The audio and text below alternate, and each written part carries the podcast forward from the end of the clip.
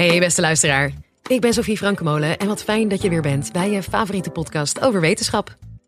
Als mens heb je allerlei grondrechten die jouw veiligheid en waardigheid dienen te beschermen. Maar dieren hebben geen grondrechten. Is dat terecht? In dit college bespreekt de rechtsfilosoof Janneke Vink van de Open Universiteit die vraag. Dit is de Universiteit van Nederland. Een aantal jaar geleden stapte een groep advocaten naar de rechter om Hercules en Leo, twee chimpansees, te bevrijden. Hercules en Leo zaten al sinds hun eerste levensjaar opgesloten in een kelder en moesten daar allerlei tests uitvoeren. Dat hoort niet, volgens deze advocaten. Hun argument? Een chimpansee hoort net als een mens het recht op vrijheid te hebben. Voor een mens betekent het recht op vrijheid dat niemand je vrijheid mag afnemen, tenzij er zeer strikte procedures gevolgd zijn. Je hebt als mens ook altijd het recht een gevangenhouding bij de rechter aan te vechten. De rechter kan dan bepalen dat je vrijgelaten moet worden of juist niet. Dat noemen we het habeas corpus principe.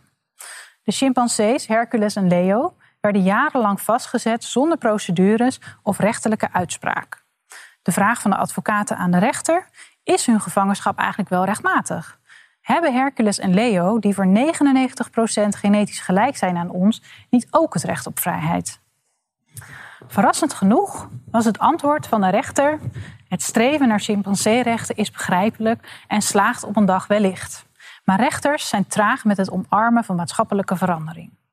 De rechter ging niet mee in het verzoek, maar tegelijkertijd gaf zij de advocaten dus ook niet geheel ongelijk in hun missie voor dierenrechten. Wat is hier aan de hand? Een chimpansee wordt in het huidige recht niet gezien als rechtspersoon. Dat betekent dat chimpansees en andere dieren worden gezien als rechtsobjecten of goederen. En dat ze dus niet dezelfde rechten hebben als mensen, die wel gezien worden als rechtspersonen. Dieren zijn vaak zelfs het eigendom van mensen, waardoor mensen veel juridische macht over hen hebben. Dat was ook zo bij Hercules en Leo. Zij waren slechts het eigendom van anderen en dat eigendomsrecht heeft een rechter nu eenmaal te respecteren. De apen zelf hadden geen rechten. Zij werden daardoor in de procedure juridisch gezien dus eigenlijk onzichtbaar. Wil je een chimpansee dus meer vrijheid geven en een rechter zover krijgen dat hij ook het dier zelf in de procedure betrekt, dan moet je het dier tot rechtspersoon maken en rechten geven. Tot die tijd kan een rechter bijna niet anders zal oordelen, zoals in de zaak die ik net beschreef. Ik ben jurist en rechtsfilosoof en vandaag wil ik het met jullie hebben over wat de argumenten zijn om dieren wel of geen grondrechten te geven. En ik zeg altijd tegen mijn studenten: we gaan gevaarlijke vragen stellen. Want door over dit soort dingen na te denken, kan je het rechtssysteem laten wankelen. Laten we beginnen bij de basis. Welke rechten hebben wij als mensen eigenlijk en hoe komen we daaraan? Als burgers in een democratische rechtsstaat kiezen wij volksvertegenwoordigers die ons representeren in het parlement. Die volksvertegenwoordigers moeten ervoor zorgen dat we een goed werkend rechtssysteem hebben. Ze maken de wetten en regels en bepalen mede welke rechten wij hebben. Zo heb jij het recht op leven, het recht op vrijheid, het recht om niet gemarteld te worden, het recht om niet tot slaaf gemaakt te worden en het recht op gelijke behandeling. Wij hebben deze rechten dus, maar dieren niet. Dat is ook niet zo gek als je kijkt naar hoe wij vroeger naar dieren keken.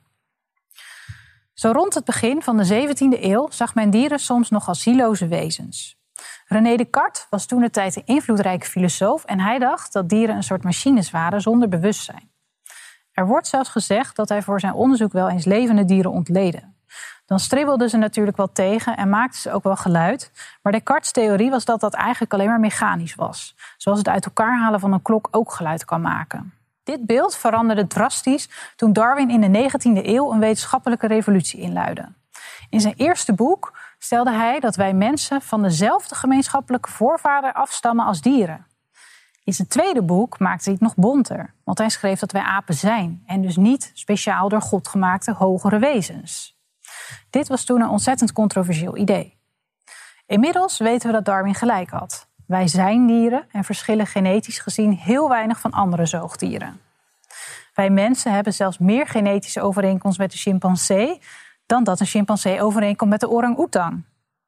Gaandeweg werd het dan ook steeds belangrijker gevonden om netjes met dieren om te gaan. In eerste instantie niet eens voor de dieren zelf, maar omdat het voor mensen ook vervelend is om te zien dat een dier wordt mishandeld. Je mag een hond niet mishandelen omdat je zijn eigenaar daarmee pijn doet en de mensen op straat die het moeten aanschouwen. Een dier mishandelen zou duiden op een moreel slecht karakter. Maar nu zien we dat het verder gaat. Er wordt steeds meer erkend dat de mishandeling van een dier onrechtvaardig is voor het dier zelf. Als je een hond schopt, heeft die hond pijn. En pijn is hierin het kernwoord. Het schoppen is slecht omdat je de hond pijn doet. Het doet er dan niet toe dat de hond niet kan praten en of er omstanders zijn. Hoewel er op wetenschappelijk en ethisch gebied dus veel gebeurd is, is de positie van het dier in het recht niet fundamenteel veranderd. In ons rechtssysteem worden dieren nog steeds gezien als goederen en eigendom en mag de mens nog steeds over dier beslissen. En zo staat het ook in het wetboek. Het eigendomsrecht is het meest omvattende recht dat een persoon op een zaak kan hebben. In principe mag je alles doen met jouw eigendom. Je mag je huisdier verkopen, verhuren, leasen, exploiteren, te werk stellen en ga zo maar door. Maar natuurlijk zijn er wel inmiddels een aantal grenzen aan wat je een dier mag aandoen. Die grenzen staan in gewone wetten. De vier belangrijkste voor dieren zijn 1. De wet dieren. Deze wet gaat vooral over landbouwdieren en huisdieren. Je hebt als mens een verantwoordelijkheid voor de dieren die je houdt. Je moet ze bijvoorbeeld genoeg zorg geven, zoals eten en drinken. En je mag vee- en huisdieren niet verwaarlozen. De tweede wet is de wet op de dierproeven. Je mag niet zomaar een proefdier inzetten. Als de proef ook zonder dieren kan, dan moet het zonder. Als onderzoeker ben je ook verplicht het aantal proefdieren en de mate van lijden zoveel mogelijk te beperken. De derde wet is de wet natuurbescherming. Je mag bepaalde beschermde wilde diersoorten niet doden. Als je wilde dieren vangt of doodt, moet je het lijden zoveel mogelijk beperken. De vierde wet is de visserijwet, want ook over vissen zijn er regels, bijvoorbeeld om overbevissing te voorkomen, zodat er voldoende vissen in de zee overblijven. Nou, wat je misschien wel opvalt aan deze wetten, de dieren worden hier geschikt naar hun functie voor de mens.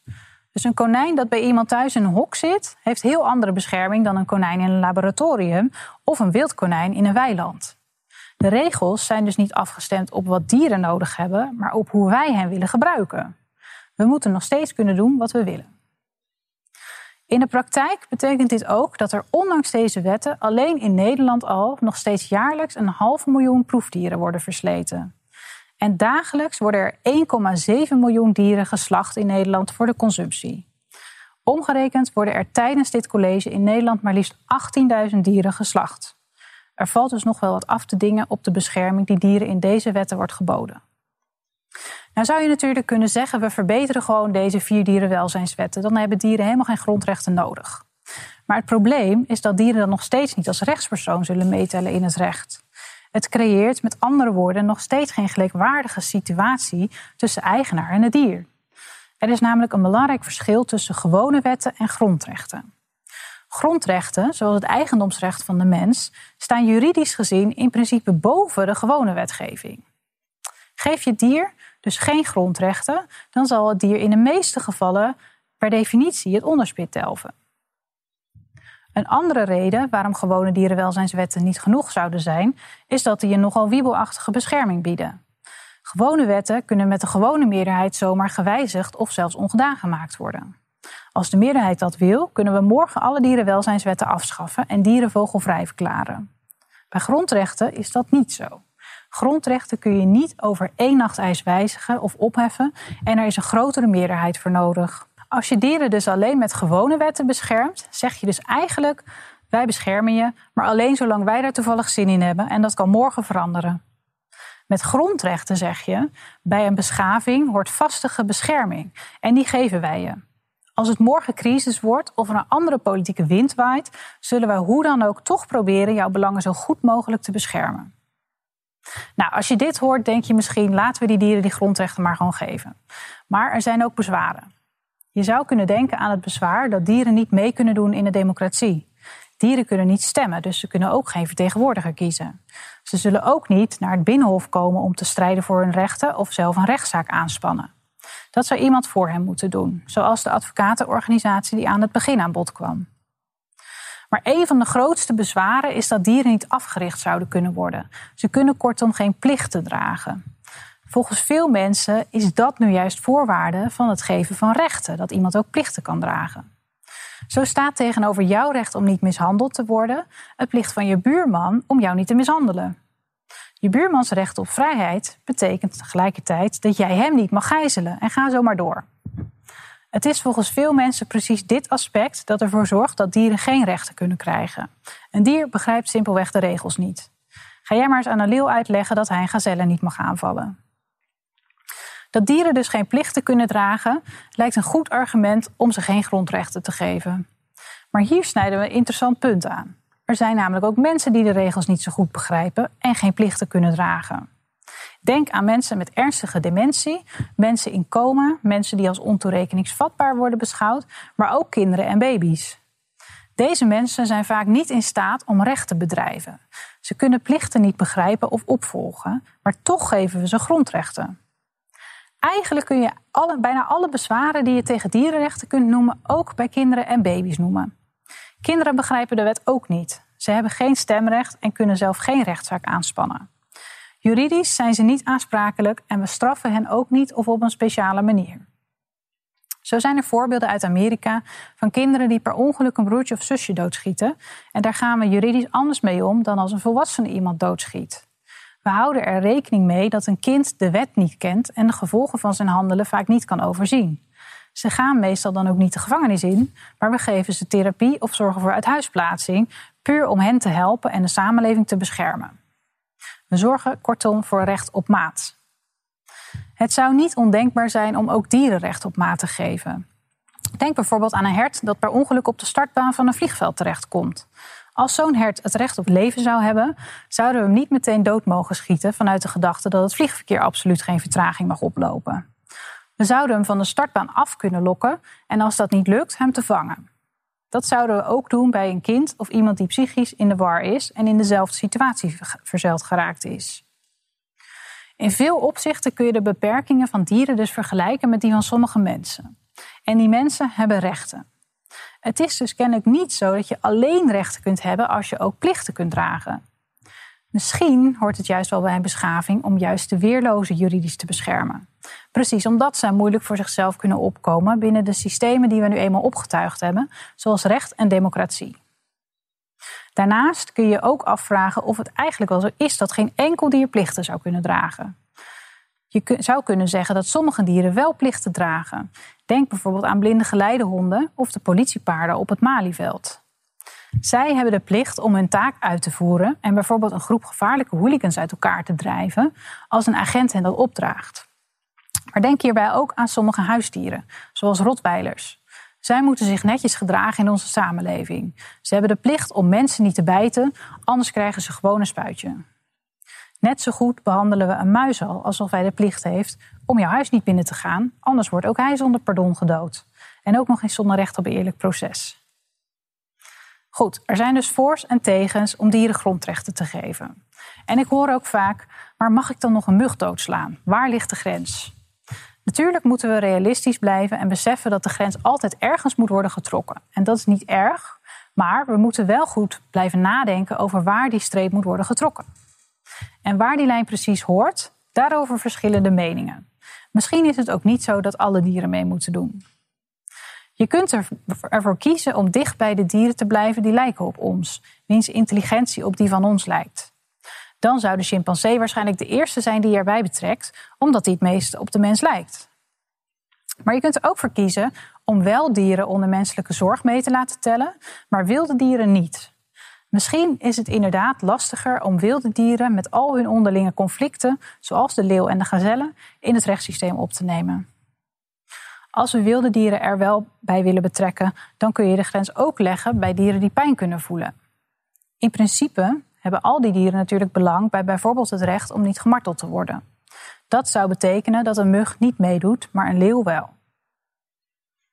Sommigen zullen misschien zelfs zeggen dat alles wat leeft meegenomen moet worden, zoals planten en bomen. Of zelfs alles wat natuur is, dus ook rivieren en bergen. Dan zou je een gezonde boom misschien niet eens meer mogen kappen en rivieren niet meer mogen vervuilen. Wat ik ook vaak hoor is, maar dieren rechten geven, dat is toch juridisch helemaal niet haalbaar. En dat is precies het punt dat ik als filosoof wil maken en waarmee ik wil afsluiten. Hoewel de sociale afspraken en onze rechten op zwart op wit zijn opgeschreven, zijn ze niet onveranderbaar.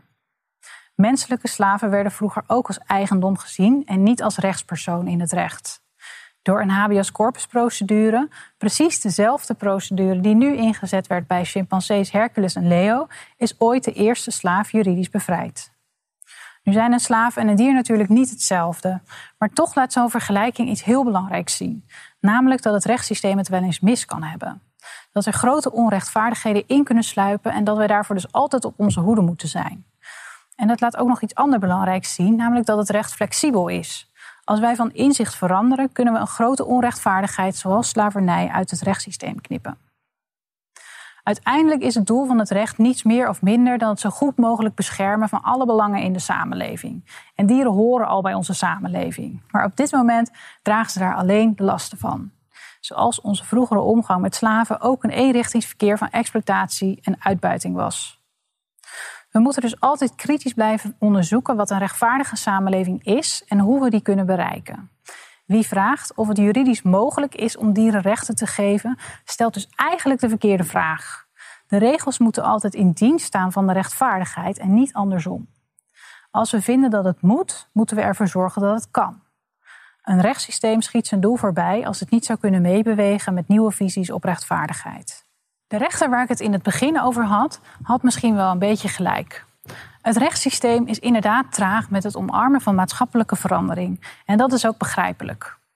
Maar als dieren geen zieloze klokken zijn, maar ertoe doen om zichzelf, dan moet uiteindelijk misschien toch ook het rechtssysteem op de schop. Dat was Janneke Vink. Ik hoop dat je het een boeiend college vond. En hey, ken jij of ben jij nou ook een wetenschapper die je graag hier een keer zou willen horen? Tip ons dan. Stuur een mail naar podcast.universiteitvannederland.nl